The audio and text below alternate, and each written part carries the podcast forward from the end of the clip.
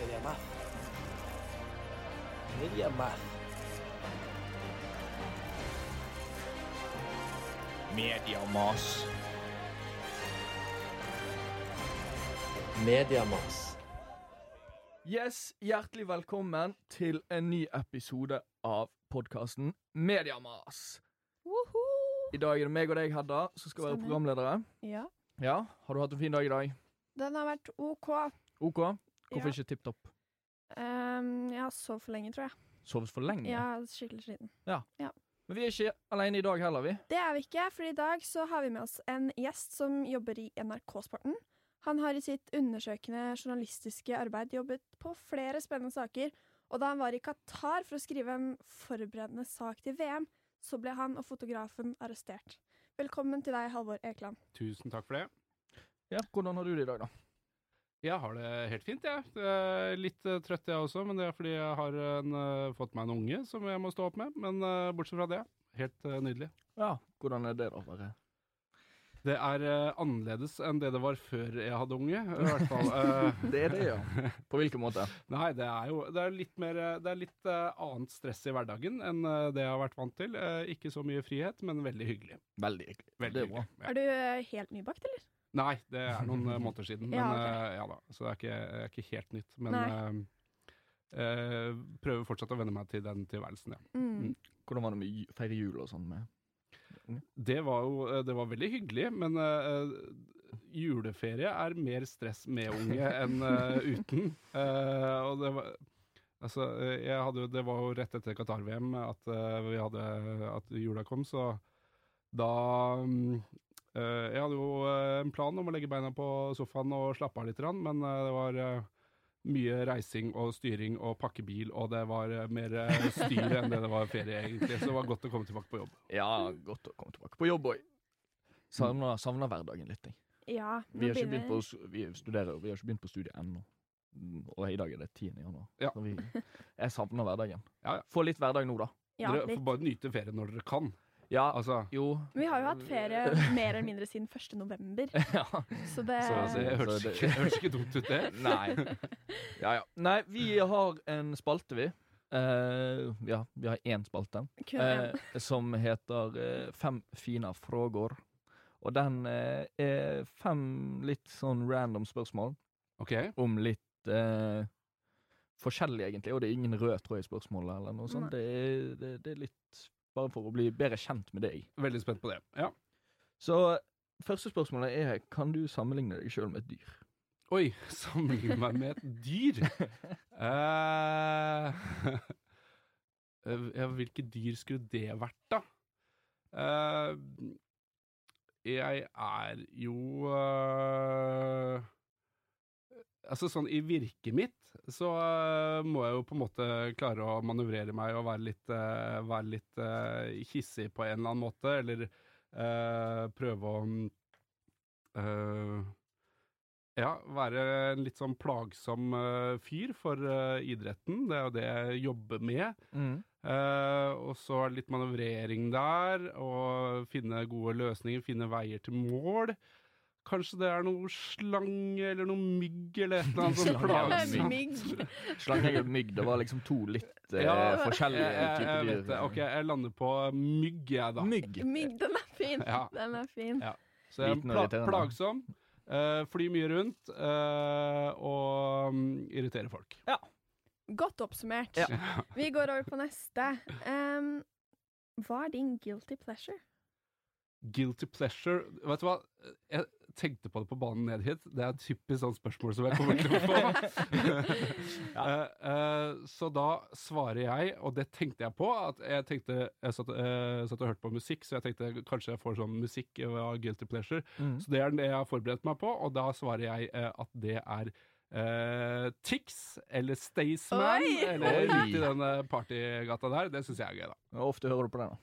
Eh, Er det, ja, er det det du Når du setter deg på banen om morgenen, er det det som går på? Eller nei, er det er ikke egentlig på vei det. til jobb, liksom? Bare blaster uh... Uh, nei, da, da skal jeg være sliten i så fall. Ja. Men eh, eh, nei, det kan jeg høre på på vei til trening, eller på trening, eller på vei til fest, eller på vei til jobb for så Ja. også. Det kan jeg høre på det stadig vekk, ja. Ja. Hva tenker kona om det?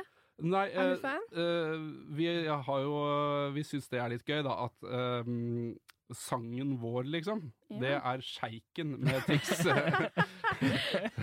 så, eh, så hun er helt med på det. Da. Ja, men det er, det er kjekt, det. Ja.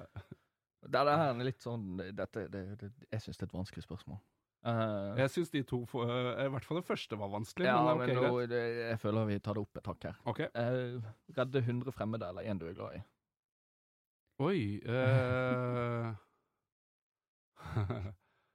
Føler det er litt sånn filosofispørsmål. Ja, det er jo litt, eh, er jo litt det. Eh, jeg tror jeg ville valgt 100 fremmede da. Ja. Redde flest mulig liv. Selv om det selvfølgelig er eh, blytungt å miste en man er glad i, så ja, jeg tror jeg ville gjort det, altså. Men meg og Hedda snakket litt om dette her før, og jeg bare tenkte Hva om en av de 100 er Hitler? Altså, du vet jo ikke hvem de er. sånn. Plutselig er det en skikkelig Jo da, eh, for så vidt. Men uh, hva om de 99 andre Ja. er ålreite folk? Ja. Eh, I en befolkning på 100 så vil det alltid eh, være en drittsekk, men Mm. det er mye bra folk der Ja. også. De fleste mennesker er jo stort sett bra et eller annet sted innerst inne der. mm. Så um, ja, nei, det hadde vært tungt å redde Hitler og ofre en jeg er glad i, men Men jeg tror jeg hadde gått for 100 fremmede. Ja. Men da, hva om vi sier 10 fremmede? Ja, jeg, må, jeg måtte ta den.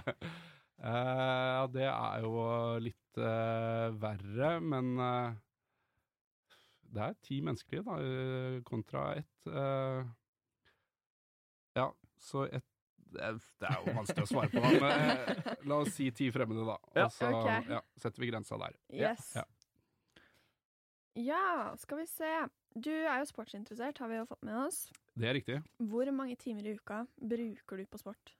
Eh, jeg brukte jo vesentlig flere før jeg ble pappa, Ja. må jeg jo innrømme. Vi kan jo ta en sammenligning da, før og etter pappalivet. Altså, jeg prøver å bruke som unnskyldning hjemme at jeg må se på sport fordi det er jobben min. Ja. Eh, så det er på en måte eh, utgangspunktet mitt, så jeg har lyst til å se det meste som er å se. Eh, men så går jo ikke det helt opp akkurat nå. Mm. Eh, men eh, jeg ser eh, kanskje to fotballkamper i uka, og så litt annet når jeg har tid til det. Så i snitt nå så kanskje er det fem timer i uka. Det er ikke så verst. Uh, men uh, før så var det vesentlig mer enn det, ja. Ja. Og det handler jo om at man uh, har ikke tid til så mye. Nei. Men uh, sånn som i jula, når vi, da har man jo litt mer tid, selv om det er mye stress og greier også, så var det mer. Da satt jeg og så på litt sjakk og hadde det i hvert fall på Ja. mens jeg gjorde andre ting. Ja, fordi det var egentlig det neste spørsmålet mitt. Hva er det du ser på? Jeg ser eh, mye fotball. Uh, glad i fotball. Uh, litt sjakk. Um, og litt sånn Altså, under OL og sånn, så ser jeg alt uh, som jeg kan se. Mm. Mm. Eh, for det syns jeg Særlig sommer-OL. Det syns jeg er så sinnssykt gøy med alle de forskjellige rare idrettene som man eh, ser på hvert fjerde år. Så der ser jeg det som, eh, som er mulig å se.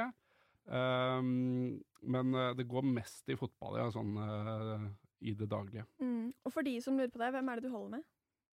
Eh, jeg er fra Drammen, så da er jeg pro- programforplikta til å holde med Godset. Og så i England så holder jeg med United. Ja, det er bra. Det er var feil med Drammen, men eller Drammen Det er ikke og. Strømsgodset. Nei, miljøskadet. Ja, Ja, altså, jeg, kan- jeg, jeg, jeg, kan, ikke- jeg kan ikke heie på Brann. Nei. Det skjønner du også. Ja, ja, du, du er velkommen over på eh, Hva var det, bataljonen sin leder i mange år var østlandsk, så det, Ja. det er helt lov. Ja, nei, det, det går ikke. Siste på fem fine frågor. Hvis du ikke skulle vært journalist, hva ville du vært da? Da hadde jeg jobba i idretten. Mm. Uh, på en eller annen måte. Uh, jeg visste, da jeg begynte liksom, da jeg gikk ut av videregående, så visste jeg at jeg vil jobbe med idrett på en eller annen måte. Mm. Uh, så da tok jeg først en, først en utdanning innen idrett. Og så hadde jeg en plan om at jeg kanskje skulle bruke den til å bli sportsjournalist. Og så når jeg var ferdig med idrettsutdanninga, så tok jeg da journalistikk og begynte som eh, sportsjournalist. Så eh, jeg hadde nok jobba i idretten på en eller annen måte. Eh, nøyaktig hva og hvordan, det vet jeg ikke, men i idretten et eller annet sted. Hva, hva utdanning var det du tok innenfor idrett? Jeg tok en trenerutdanning. trenerutdanning. Ja, så, og så er jeg usikker på om jeg hadde vært trener. Kanskje jeg hadde vært trener. Um, jeg har noe så sjeldent som en bachelorgrad som svømmetrener. Oi! Uh, så kanskje jeg hadde vært svømmetrener, eller uh, vært trener på en eller annen måte, kanskje. Eller Mm. um, veit ikke. Jeg hadde i hvert fall jobba med idrett, fordi jeg er veldig glad i idrett. Hvorfor svømming? Hvordan har det seg Eh, Jeg svømte i eh, mine barne- og ungdomsår. Mamma var svømmetrener og tok meg med i svømmehallen, så det ble liksom bare naturlig. Og så, mm, som så mange andre, så var det jo selvfølgelig en kneskade som satte stopper Ja. for eh, Mm. fotballkarrieren min, så da måtte jeg velge svømming istedenfor. Uh, ja, så da drev jeg med svømming i mange år, og så ble det en trenerutdanning der. Men det ble jo ikke trener på deg, du ble sportsjournalist. Um, og kanskje du bare tar meg gjennom en dag på jobben? Hva er det du, En hva er dag det du på gjør? jobben. Uh, kollegaene mine vil si uh, at jeg sitter med beina på bordet, uh, ser på skjermen og gjør veldig lite. Det hender nok at jeg gjør veldig lite og sitter med beina på bordet også, men en helt vanlig dag på jobben starter jo med morgenmøte. Jeg er heldig nok til å jobbe liksom, ikke turnus. Jeg jobber 94 stort sett eh, hele tida. Um, så starter med morgenmøte. Og så er det egentlig um, ut fra hvilke prosjekter vi jobber med, for jeg jobber nesten bare med prosjekter. Uh, så jeg jobber veldig lite tett på liksom, det daglige uh, nyhetshjulet. Jeg jobber uh, med mine prosjekter, om det er graving eller om det er eh, en annen undersøkelse vi holder på med, eller akkurat nå så eh, jobber vi litt med mm, eh, Idrettsforbundet og presidentvalget i Norges idrettsforbund, som skal være nå i mai, nei juni er det vel. Så mm, da er det å ringe særforbund og idrettskretser og snakke med dem og høre hvordan eh, ting er akkurat nå, og så prøve å få ut eh, nyhetsstoff, da. Men eh, altså Det blir mye sitte på kontoret og ta telefoner og prøve å grave seg ned i dokumenter eller eh, ja. Ja, fordi du driver med undersøkende journalistikk. Kan ikke du fortelle litt hva det går ut på? Ja, hva går det ut på? Altså, målet vårt er at vi skal sette dagsorden med uh, journalistikk om idrett. Um, og da Det er mange veier til det. Altså, det er noen eh, nyhetssaker dukker jo bare opp helt plutselig. Eh, altså, vi har hatt dopingsaker i Norge de siste åra. Uh, vi har hatt um, ulike altså, konflikt i Skiforbundet med Claes Brede Bråten, som var i høst. Altså, uh, var det i høst? Nei, det var kanskje ikke det. Det var lenger siden. Um, og ja, så da, da, da er det på en måte å gå i dybden på det, klare å skaffe seg et godt kil- kildenettverk. Det bruker vi jo litt tid på. Uh, snakke med kilder, uh, være der hvor kildene er, uh, og sørge for at kildene stoler på meg som journalist. For seinere å kunne på en måte bruke det, spille kildene opp mot hverandre. få beskjed hvis det er konflikter som er i ferd med å utvikle seg, og, og så gå i dybden på hva er det egentlig som ligger i denne konflikten. Um, uavhengig om det er penger, eller om det bare er eh, en fyr som er en drittsekk eh, som folk vil ha bort, eller hva det er, så er det jo prøve å få en forståelse for hva det er, og så sette seg dypt inn i den saken vi jobber med, da. Um, og det er Altså, det det er mye sånn lesing av dokumenter og gå inn i regnskaper og liksom sånne ting. Og så er det en del kildepleie som vi bruker tid på, og ringer og snakker med folk. Uh, for å få uh, dypere forståelse som uh, vi seinere kan bruke til nyhetsstoff, da. Um, så det er vanskelig å komme med en slags sånn oppskrift på hvordan vi, vi jobber, men det er utrolig viktig at man i hvert fall har et godt forhold til kildene sine. Og det, mm, det er jo på en måte det grunnleggende i journalistikken, eller i hvert fall noe av det grunnleggende i journalistikken også, da. Um, og så er prøver jeg å være veldig nøye på, uh, hvis vi kritiserer folk, at vi at de skal oppfatte det som redelig, da, den kritikken de blir utsatt for. Og vi bommer mange ganger. Eh, Det gjør vi. Ja, det gjør alle i sine jobber, liksom. Men ehm, det, det er viktig at også de, de vi lager kritisk journalistikk om, oppfatter det som at ja, men dette her var på en eller annen måte rettferdig, da. Uh, og da er man nødt til å ha et godt forhold til dem i utgangspunktet, og så prøver jeg så godt jeg kan å ta en telefon til de som jeg har utsatt for kritisk journalistikk Mm. i ettertid. uh, og bare ta en prat med dem, og på en måte Nå kan de få lov til å kjefte tilbake på meg, og så går man videre. Um, Så jeg, jeg tror de aller fleste egentlig i norsk idrett tenker at uh, jeg er uh, en dust innimellom, men, uh, men at de på en eller annen måte har forståelse for hva det er jeg holder på med, da, og syns det på en måte er greit. Og så lenge man klarer det, så er jeg i hvert fall fornøyd, da. Ja, har du noen sånne, hva skal du si, do and don'ts på kildepleie? Altså, hva er liksom Hva er det du prøver å unngå? på er måte? Er Har du brent deg før på et kilde, liksom? er oppsiktsvekkende sjelden, vil jeg si. Mm. Eh, og så det Faren, i hvert fall sett fra mitt ståsted, er å, er å ta saker for langt. Eh, man skal gi kritikk der eh, kritikk eh, kan gis, på en måte, men man skal ikke gi kritikk uansett hva noen gjør eller sier.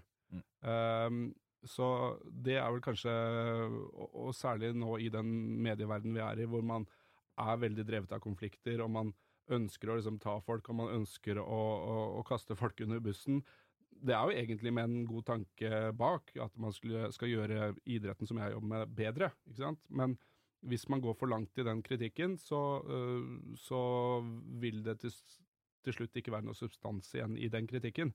Um, og da vil man ikke oppnå noe som helst, da vil man bare få fiender. Så uh, vite når man skal si stopp, er uh, viktig. Og så uh, tror jeg nok at vi i NRK kanskje har vært litt for snille på det noen ganger. At vi har sagt, satt stopp litt for tidlig.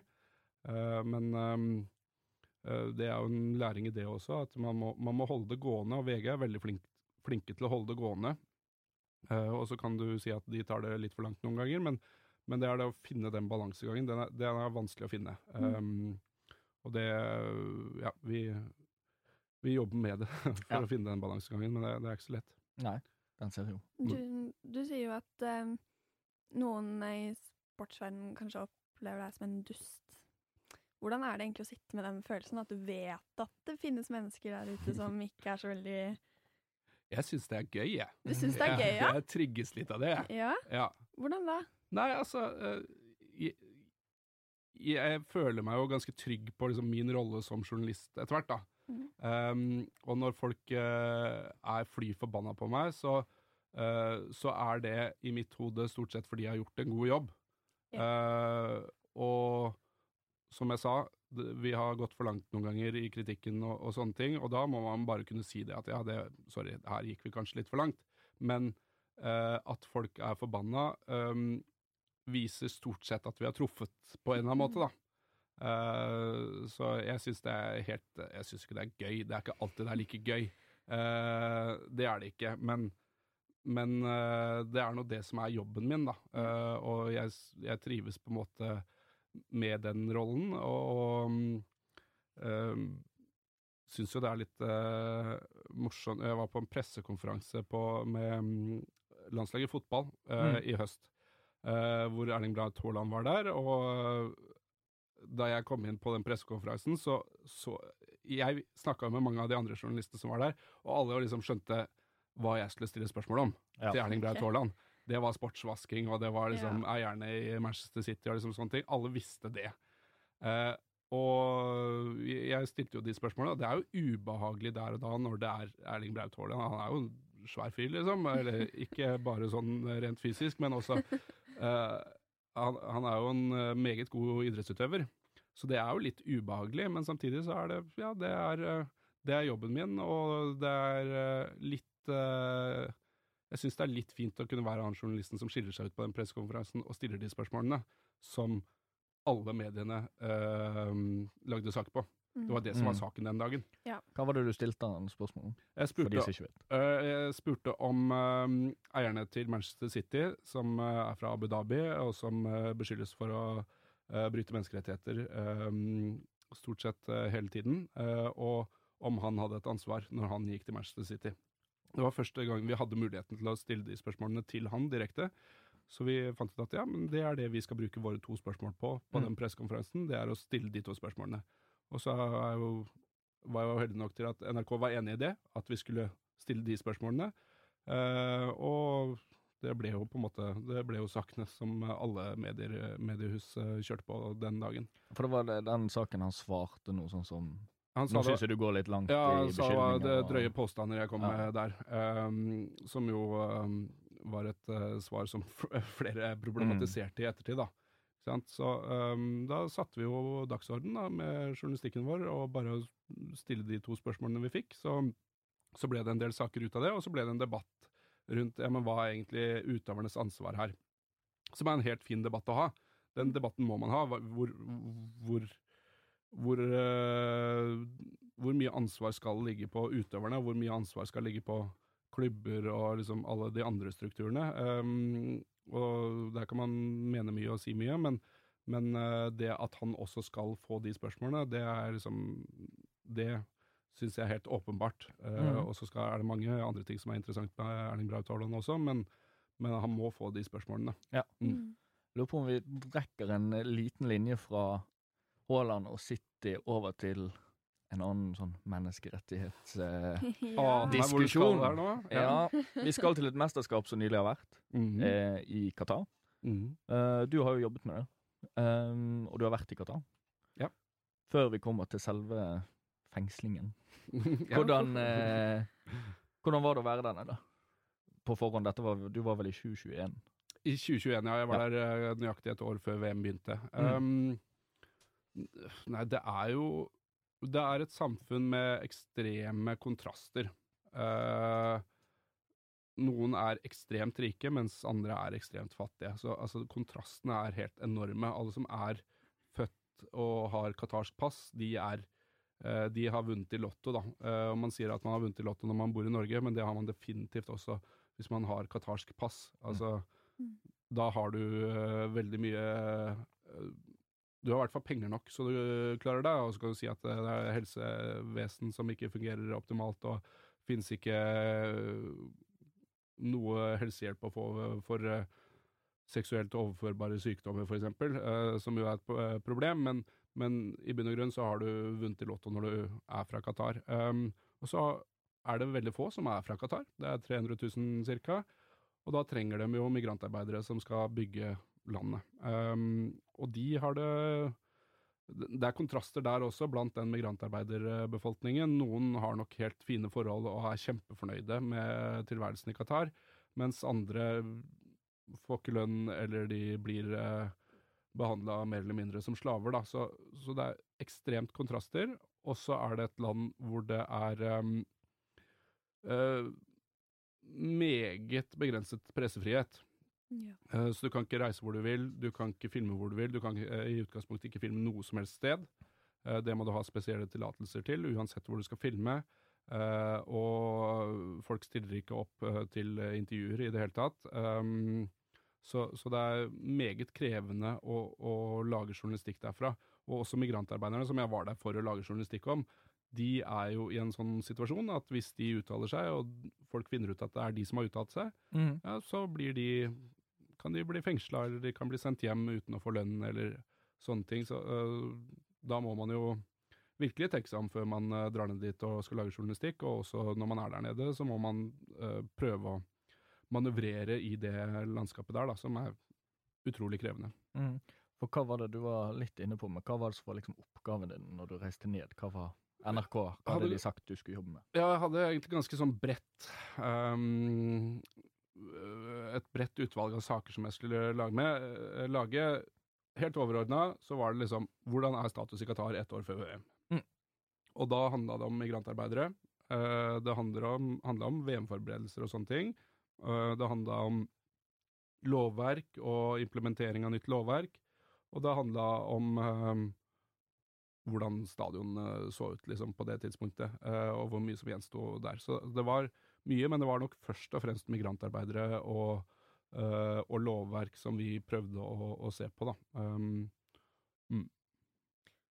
Og hva, hvordan gikk du frem når du skulle lage denne journalistikken, når du visste at det var begrensa med muligheter, og det var strenge regler? Ja, altså, Først så brukte vi masse tid på forberedelser, både med sikkerhet og sånne ting, men også mye av det praktiske. da, Kontakta en haug med organisasjoner for å prøve å få dem til å hjelpe oss til å komme i kontakt med migrantarbeidere.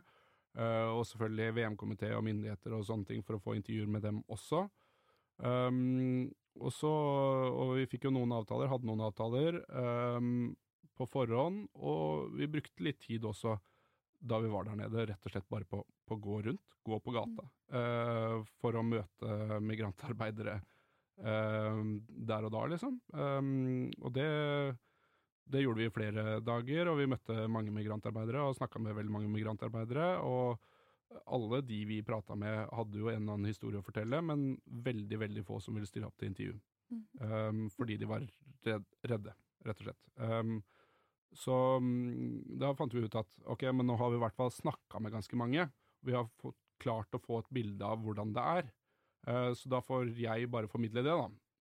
Um, basert på liksom, de møtene jeg har hatt, selv om folk ikke ville stille til intervju, ja, men da får jeg videreformidle på en måte det de sier til meg. Så vi, vi gjorde jo noen sånne løsninger, at jeg liksom bare gjenfortalte hva folk hadde sagt, og gjorde selvfølgelig også en, noen intervjuer med migrantarbeidere og, øh, og sånne ting. Da. Og noen av de intervjuene fikk vi jo vist, og andre intervjuer fikk vi aldri vist, delvis fordi det ble sletta av politiet, og delvis fordi vi i ettertid, uh, etter at vi hadde vært arrestert, rett og slett ikke turte å publisere det. Um, av hensyn til sikkerheten for de personene vi hadde snakka med. Så um, det er noen intervjuer vi har som vi ikke, ikke har hatt muligheten til å vise, da, fordi vi er redd for at det skal sette um, kildene våre i en, um, i en um, farlig eller ja, farlig situasjon. Mm.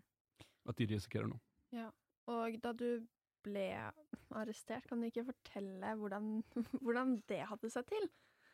Ja. Um, den kan jeg jo, kan jo sikkert bruke fire timer på å fortelle den historien. men uh, vi hadde vært på en sånn seremoni ett år før VM begynte, um, og hadde gjort intervju med VM-sjefen der. Og fått stilt et spørsmål til Gianni Infantino og noen tidligere uh, fotballspillere og sånne ting. Og så dro vi tilbake på hotellet. Og da var det, Klokka var tolv på natta. Um, da skulle vi dra fra hotellet igjen klokka fire på morgenen fordi vi skulle ta flyet hjem. Uh, så vi skulle ha noen få timer på hotellet, og så idet vi kommer, kommer fram til hotellet, så uh, tar vi ut av uh, bilen og pakker ut og sier ha det til sjåføren og sånn, og så blir vi møtt da i uh, idet vi er på vei inn i resepsjonen av politifolk, en fire-fem politifolk.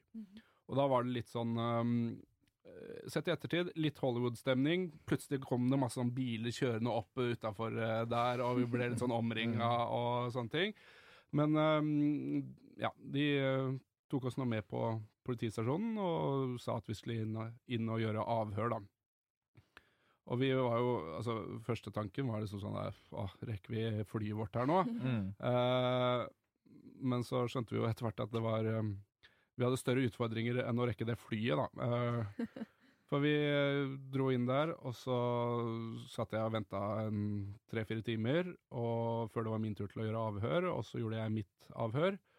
Og så, etter det, så kom det en fyr inn som sa at han hadde sett på saken vår, og at det gikk så bra ut, og at han ville sende oss videre inn til en rettshøring, rett og slett. Eh, som Hva var årsaken her til at de har arrestert dere? Ja, eh, Altså- det, det visste vi jo ikke da.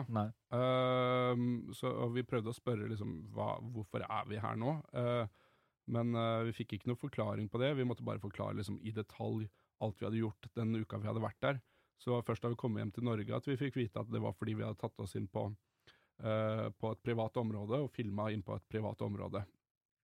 Og ja, vi hadde filma inn på det private området, uh, og, men idet vi gikk inn på det private området, så spurte vi sjefen der, da. Er det greit at vi får lov til å komme inn her? Kan vi filme litt? Kan vi gjøre noen intervjuer? Kan vi se oss litt rundt? Hva er lov, liksom? Og så hadde vi fått, ja, fått beskjed om ja, jeg kan snakke med de og filme sånn, og ja. Og vi hadde forholdt oss eh, stort sett til det, og så var det sjefen av det bygget som vi var inne i, da, som hadde ringt politiet. Som er den, det er den offisielle grunnen, i hvert fall, til okay. at vi ble arrestert. Um, ja, så vi ble jo sendt videre til denne rettshøringa, og da Det var en ganske sånn omfattende prosess, for da måtte vi først gjennom enda et nytt avhør, og så skulle de gjøre etterforskning på oss, uh, som blant annet var å se gjennom absolutt alt av videomaterialet vi hadde, hatt, uh, hadde gjort. Så de tok oss med tilbake på hotellet for å hente minnebrikker og PC-er, og vi måtte gi fra oss passord til PC-er og mobiler og, og, sånne ting, for at de skulle se gjennom absolutt alt vi hadde filma, da. Eh, så da satt vi og venta ganske mange timer på en sånn glattcelle eh, sammen med noen migrantarbeidere. Så vi venta og venta og venta, og så gikk vi til denne rettshøringen, og vi, vi skjønte da at utfallet av rettshøringa er enten varetektsfengsling og bli der noen måneder, eller at vi blir løslatt. Mm. Um, så det visste vi, og vi snakka liksom om det før vi, før vi gikk til den rettsstillinga, at nå er det 50-50. Ja. var det vi tenkte, at det var 50-50. Vi visste jo at UD jobba med saken, liksom, vi visste jo at uh, alarmen hadde gått her i Norge, da, men vi var usikre på hvor mye det hjalp når vi først skulle i den rettshøringa. Uh, og så var det denne rettshøringa, da satt vi inne på sånn bitte, bitte lite rom, som det var faktisk i et fengsel, der vi hadde hatt cellene våre hvis vi skulle varetektsfengsles, tror jeg. Um, inne på et bitte lite rom, og vi satt bare og snakka liksom, i en sånn fasttelefon med, lite, med en bitte liten skjerm på, og et bitte lite kamera, så de som på en måte gjorde de avhørene, de satt et helt annet sted i byen. Ah. Så vi satt bare med en sånn fasttelefon. Um, og prøvde å svare på spørsmål. Og ja, brukte mange timer der, og så tilbake på glattcella, og så plutselig så kommer det en politifyr inn på den glattcella og sier at vi skal signere på et dokument. Og vi aner ikke hva det er, for det står skrevet på arabisk, men vi bare skriver under. Uh, fordi vi følte vi ikke hadde noe annet valg. Og så tar det en times tid, og så henter de oss, og så eh, tar de med oss til utgangen og sier at der er døra, nå, nå, kan- nå kan dere gå. Mm. Og vi visste, ikke, vi visste ikke om vi da offisielt var løslatt, eller om vi måtte tilbake, eller vi fikk jo ikke med oss noe utstyr, og vi hadde ikke mobiler og liksom sånne ting, så vi, vi var jo litt sånn Ok, hva gjør vi nå? Eh, men så sto sjåføren vår og venta på oss på utsida, da. Ja. Så, og han hadde fått oppretta kontakt med NRK, så idet vi kom ut, så sto han faktisk og snakka med NRK, så jeg fikk telefonen og fikk snakka med NRK, og så ja, ba vi øh, fikk vi etter hvert snakka med UD, og fikk dem til å finne ut av om vi var løslatt, om vi kunne dra hjem. Mm. Um, og da vi fikk den bekreftelsen, så var det jo bare ny covid-test og um, ny mobil måtte vi ha, uh, og så komme seg på flyet. Mm. Ja, for hvordan, Hvis mobilen ble tatt fra dere og sånn, hvordan gikk Du sa i sted at alarmen gikk hjem i Norge. Hva, hvordan skjedde det? Um, det første som skjedde, var at eh, jeg skulle eh, sende sjekke ut og sjekke innmeldinger til eh, sjefen og til kona eh, Ok. hver kveld og hver morgen. Så det første som skjedde, er at kona mi varsler NRK, Ja. fordi jeg ikke hadde gjort det. Og begge de to kunne også spore telefonen min, og de visste at jeg skulle sitte på flyet, og de så at telefonen min var i Doha Mm. Så det var først, det var, da var da liksom de begynte å ane ugler i mosen, da. Og så gikk det noen timer, så fikk sjåføren vår, som vi hadde hatt, eh, gitt beskjed Han fikk oppretta kontakt med NRK og sagt de er arrestert. Eh, og han ble også arrestert med oss, men han ble løslatt ganske kjapt, da, så, så han fikk gitt beskjed til NRK, og da gikk jo liksom virkelig alarmen. Ja. Og så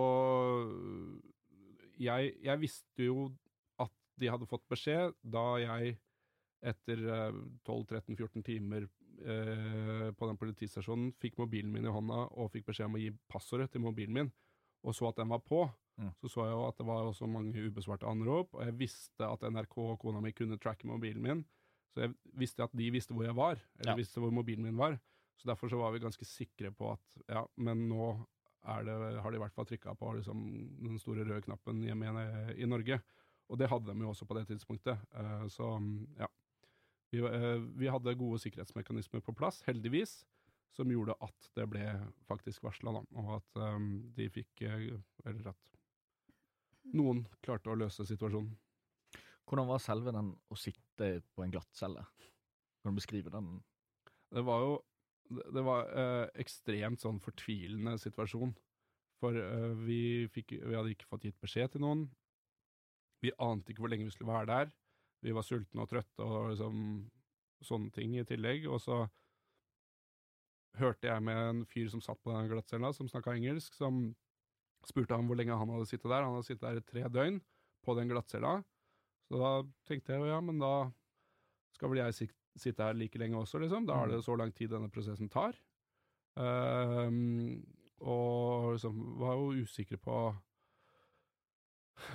hvor lenge vi skulle være der. Da. Det var liksom det som var usikkerhet. Og hvordan har folk hjemme det, og hva skal skje med oss, og um, hva, hvorfor er vi her? Uh, så det var sånn fortvilelse, usikkerhet. um, det var en uh, veldig ubehagelig opplevelse der og da, selvfølgelig.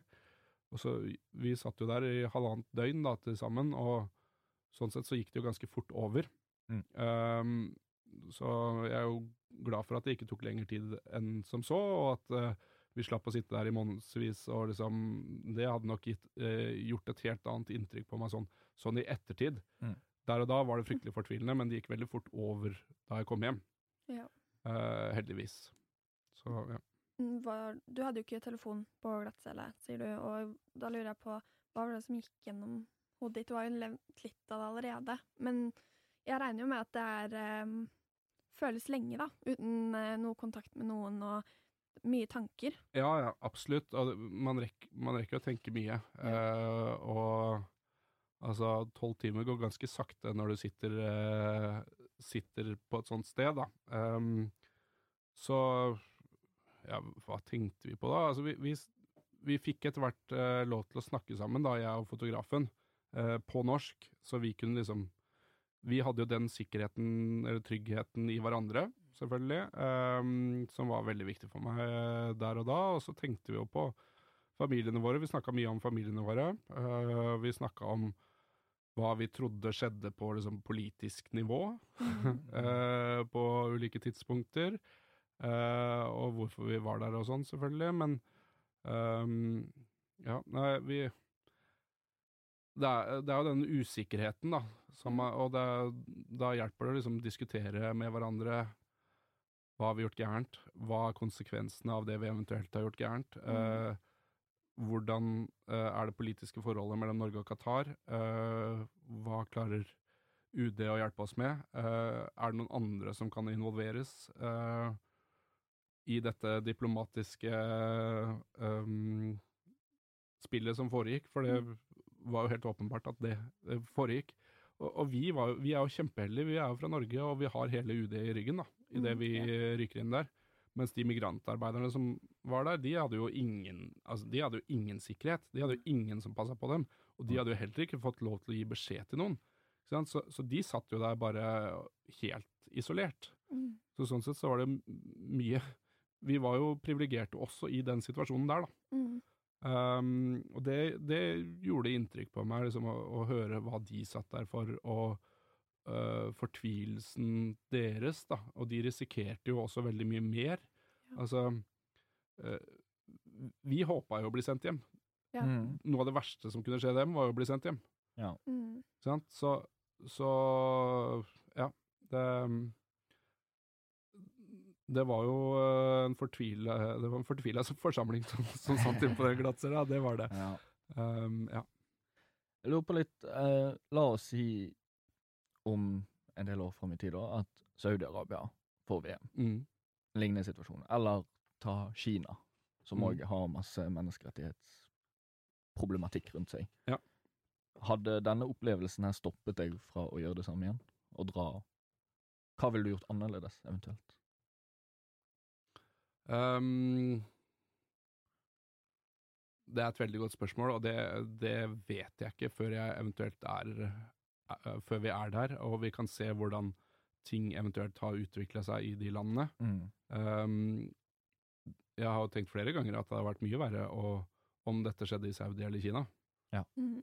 Eh, da hadde risikoen vært mye høyere. Mm. Um, altså, Saudi har jo drept journalister, og Kina fengsler jo folk, og da forsvinner jo bare folk, ikke sant, Mm. uh, i årevis. Um, så, uh, så hvis det samme hadde skjedd der, så hadde jeg vært, hadde vært mye mer fortvila. Og det er klart, når man da har opplevd det man har opplevd i Qatar, så, så er jo det noe vi absolutt uh, måtte tenkt eh, veldig nøye gjennom, da.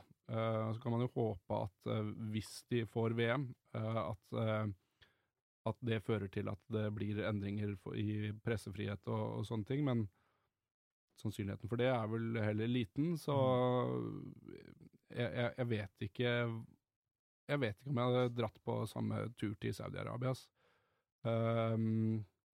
Det er jo utrolig viktig å gjøre det, og jeg har lyst til å gjøre det. Jeg hadde lyst til å dra tilbake til Qatar eh, under fotball-VM også, men øh, følte ikke at jeg kunne det, fordi det dokumentet vi skrev under på rett før vi ble løslatt, øh, som var skrevet på arabisk, det har vi aldri fått tak i, så vi vet ikke hva vi har skrevet under på.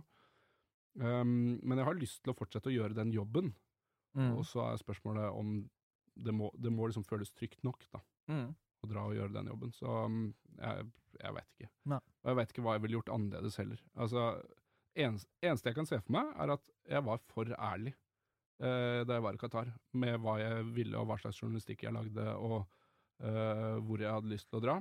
Det var jeg helt åpen og ærlig om, Mm. eh, for det er sånn jeg jobber eh, her i Norge, og det er liksom, jeg tenker at den åpenheten, eh, det, det er greit for de også å kunne forholde seg til, da. Eh, Også får de heller eh, sette de restriksjonene de vil ha, men, men ehm, ja, det Kanskje det er det det jeg ville gjort annerledes, og ikke vært så litt, ærlig. Mer, litt mer i skjul. Mm. Og det er jo synd at det skal være sånn, men eh, at man må jobbe med skjult kamera, liksom. Men hvis det er det man må, så må man jo det. Mm. Var det verdt det? ja, det var jo egentlig det. Altså, Hadde du gjort det igjen? Ja, hvis jeg hadde visst nøyaktig hva som skulle skje, så hadde jeg gjort det igjen. Okay. Mm. Ja.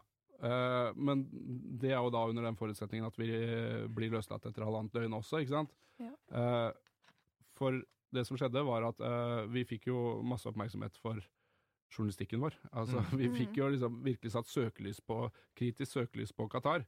Eh, og det var en bitte liten del av det, og vi skulle egentlig lage om migrantarbeidere, men det ble en sak om pressefrihet på en måte istedenfor. Um, men det var nå i hvert fall uh, en tydeliggjøring av hva som er problematikken i Qatar, da. Mm. Uh, og hva man risikerer uh, bare for å lage kritisk journalistikk. Da skjønner man også hva migrantarbeiderne risikerer hvis de uttaler seg til kritiske journalister. ikke sant? Mm. Så, så det er på en måte Det setter søkelys på ting.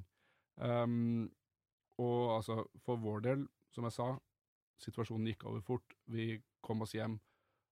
Sånne ting. Det er jo mye verre for de migrantarbeiderne som faktisk bor der.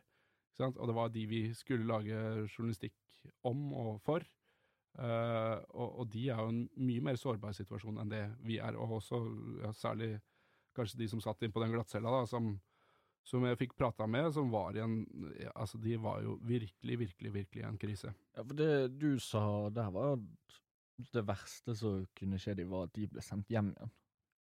Ja, for, for de har jo på en måte Altså, de kom jo til Qatar fordi de har et ønske om å få en jobb og få en inntekt Mm. som veldig mange av disse ikke har i hjemlandene sine. Mm. Det er derfor de drar til Qatar. Mm. Um, og, så, og de påtar seg store lån for å dra dit, ikke sant? Eh, I håp om at de skal ehm, få et bedre liv. Og hvis de blir sendt hjem da, eller noen blir jo sendt hjem og har på en måte fått et bedre liv også, eh, det er viktig å understreke det, men, men de aller, aller fleste som blir sendt hjem, blir jo sendt hjem med det lånet. Mm. Og ingen mulighet til å betale det ned, fordi det er ikke mulighet for å tjene så mye penger i hjemlandet. Det er en mulighet for å tjene penger i Qatar. Eh, det er ganske mye penger som går fra Qatar tilbake til eh, land i Sørøst-Asia, liksom. Mm. Um, så hvis, hvis de blir sendt hjem, så, så sitter de bare med et uendelig stort lån som de aldri i livet kommer til å ha sjanse til å betale ned. Uh, så hvis de blir sendt hjem etter å ha vært der, så ja, da, da er livet deres ødelagt. Mm. Hvordan eh, eh, Hvordan tenker du på det, da, når det liksom sånn Med den, all den kritiske journalistikken om migrantarbeidere og sånn, når gjerne situasjonen i hjemlandet er enda verre enn den i Qatar? Hvordan ser du på den? Fordi at det var jo mye argument, det har vært masse diskusjoner om dette her, og et av argumentene for de som er liksom Altså ikke var sånn Ikke boikott, de var mer for De skulle se på VM og tenkte at dette kanskje ikke var like gale som vi skulle ha det til. Og sånn, Et av argumentene de brukte, var jo nettopp dette, da, at Mm. ja, men de har det jo bedre i Qatar enn det de hadde hatt hjemme. Ja, og noen har det. Ja. Absolutt. Og så er det øh, Noe av utfordringa er jo at øh, det er altfor mange løfter og øh, lover som blir brutt, da. Mm. Sant? Sånn at det de drar for å oppsøke, er ikke det de får. Sant? De kan bli lova en lønn på x antall dollar i måneden eh, og eh, levekår som er sånn og sånn, og så kommer de dit med gjeld fra før, og så får de ikke lønn Mm. i det hele tatt. Um, eller den lønna de hadde avtalt, blir eh, kraftig redusert. Um, så det, er jo, det er jo det som er utfordringen med Qatar. Da, at det er jo et lovverk om en minimumslønn, og en lovverk om minimumsstandarder på hvordan du skal bo. og Det er selvfølgelig ikke lov å ikke utbetale lønnen på lønningsdagen. Eh, men de lovene blir ikke eh, fulgt. Eh, de er ikke ordentlig implementert. I stor grad, da. Eh, noen steder blir de fulgt, men i stor grad så blir de ikke fulgt. Og, og da går det egent, blir det egentlig bare fra vondt til verre for en del av de migrantarbeiderne som kommer dit. Mm. Eh, så det gjelder jo dessverre altfor mange, da. Ja. Det er, jeg tror det er 2% eller noe sånt som jobber på, eh, jobba med å bygge stadioner. Og de hadde stort sett helt eh, De hadde ting sånn delvis på stell, i hvert fall. Mm. Og så er det 98% som da jobber med andre ting, hvor det eh, nærmest var helt frislipp på lover og regler. tenker vi tar en siste del her, for jeg ser tiden begynner å løpe. Men jeg bare lurer på, hva syns du om dekningen av Altså, det, hvordan syns du det var med dekningen nå når VM faktisk var? Um, det var uh, jo masse kritisk journalistikk. Nå skal det sies at vi fikk jo fryktelig bra hjelp av øh, Fifa også, da, med å lage kritisk Mm. journalistikk, ettersom de gjorde såpass mye rart som de holdt på med. Uh, så det var lett å lage kritisk Ja. journalistikk. Ehm, og, men jeg, jeg opplever at det er, øh, det er en ny standard som er satt uh, i norske medier øh, i forbindelse med dette VM-et uh, med kritisk dekning av et eh, stort idrettsarrangement. Så kan godt si at vi, vi um, Og det gjorde vi også i noen tilfeller, at vi tok det for langt. eh, og at vi lagde kritiske saker på ting som kanskje ikke hadde trengt eh, en kritisk sak. Eh, men eh, vi, jeg opplever i hvert fall at vi i NRK var, eh, klarte å være kritiske gjennom hele mesterskapet. eh, og så er det viktig at vi vi skal evaluere dette her om et par dager. Da. Så skal vi evaluere hele Mhm. fotball-VM her. Men jeg, jeg tror um, den feilen vi eventuelt gjorde, var at vi for, var for kritiske mot Qatar. Ja. Uh, vi, burde vært, vi burde hatt mer kritikk av Fifa, som Ja. jo egentlig er de som har dette ansvaret. Det er, Mm. de, det, er, det er de som er problemet, sånn i utgangspunktet. Ja. Det er de som tildeler eh, mesterskapet til Qatar. Ja. Sant? Så, så vi burde hatt mer mot Fifa. Uh, og vi burde vært mer kritiske mot Fifa. Kanskje ikke vært så kritiske det, til Qatar på, på alle ting. Og så uh, Ja, så må vi på en måte Vi må finne en balansegang til nye mesterskap også. For nå har vi liksom Hvis vi skal gjøre dette her så omfattende til eh, alle mesterskap i eh, regimer som bryter eh, menneskerettighetene, så har vi et problem. Da har vi ikke nok ansatte i, i sporten. Så, så vi, må, vi må finne den balansegangen da, og, og finne ut uh, hva, hva er det vi skal kritisere, og hva er det vi skal på en måte bare si at dette her er kulturforskjeller, eller, eller hva det er. Og det blir en utfordring også når vi skal til altså neste VM, som er i USA, Canada og Mexico. Skjer eh, litt grann der også, som, eh, som man bør eh, kunne kritisere. Og så er spørsmålet hvordan skal vi balansere det, da. Mm. Og noe av utfordringa i Qatar var jo at veldig mange av disse menneskerettighetsbruddene var direkte knytta til VM. Ja. Ja. Sant? De måtte bygge hoteller, de måtte bygge stadioner, de måtte bygge veier, infrastruktur, for å kunne arrangere VM. Mm. Så det var en direkte kobling der um, som gjorde at det, kritikken ble så omfattende. Da.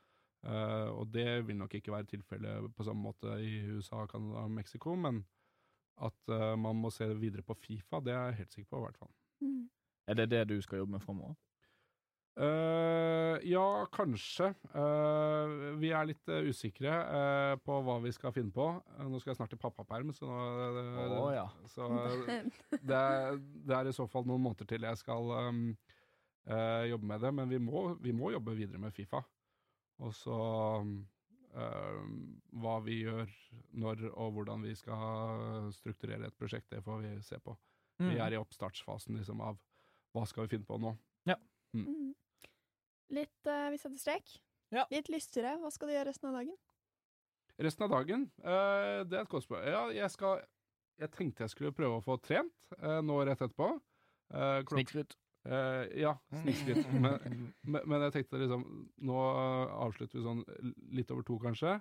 Og da er det perfekt å bare si at ja, men jeg har vært på podkastinnspilling, så jeg trenger ikke dra tilbake. på jobb, Jeg kan dra ja. tredje istedenfor. Så jeg utnytter den eh, tida til det. Og så skal jeg hjem, og så skal jeg planlegge en ferie som eh, jeg skal på om et par måneder. Er planen. Mens du er pappaperm? eller? Ja, faktisk. Mm. Hvor da? Hvor da? Ja. Jeg, skal til jeg skal, ferie, altså. Vi skal på en helgetur, tipp. eh, Men eh, ja, vi skal til eh, Lisboa. faktisk. Oi! Mm. Spennende. Deilig. Det blir bra. Ja. Så jeg vil bare si Tusen- takk for at du var med i dag. Ja, det var nesten i Ja, kor. Takk ja. for at du kom. Tusen takk for invitasjonen. Jo, Det var hyggelig. Og så må du kose deg i pappaperm. Ja, Ja. det skal jeg prøve. Takk for at du hørte på. Husk å følge oss på Instagram og TikTok, der vi heter mediemas.pod. Dagens programledere var Steffen Johan Jonstad og Hedda Martine Haall Vestby.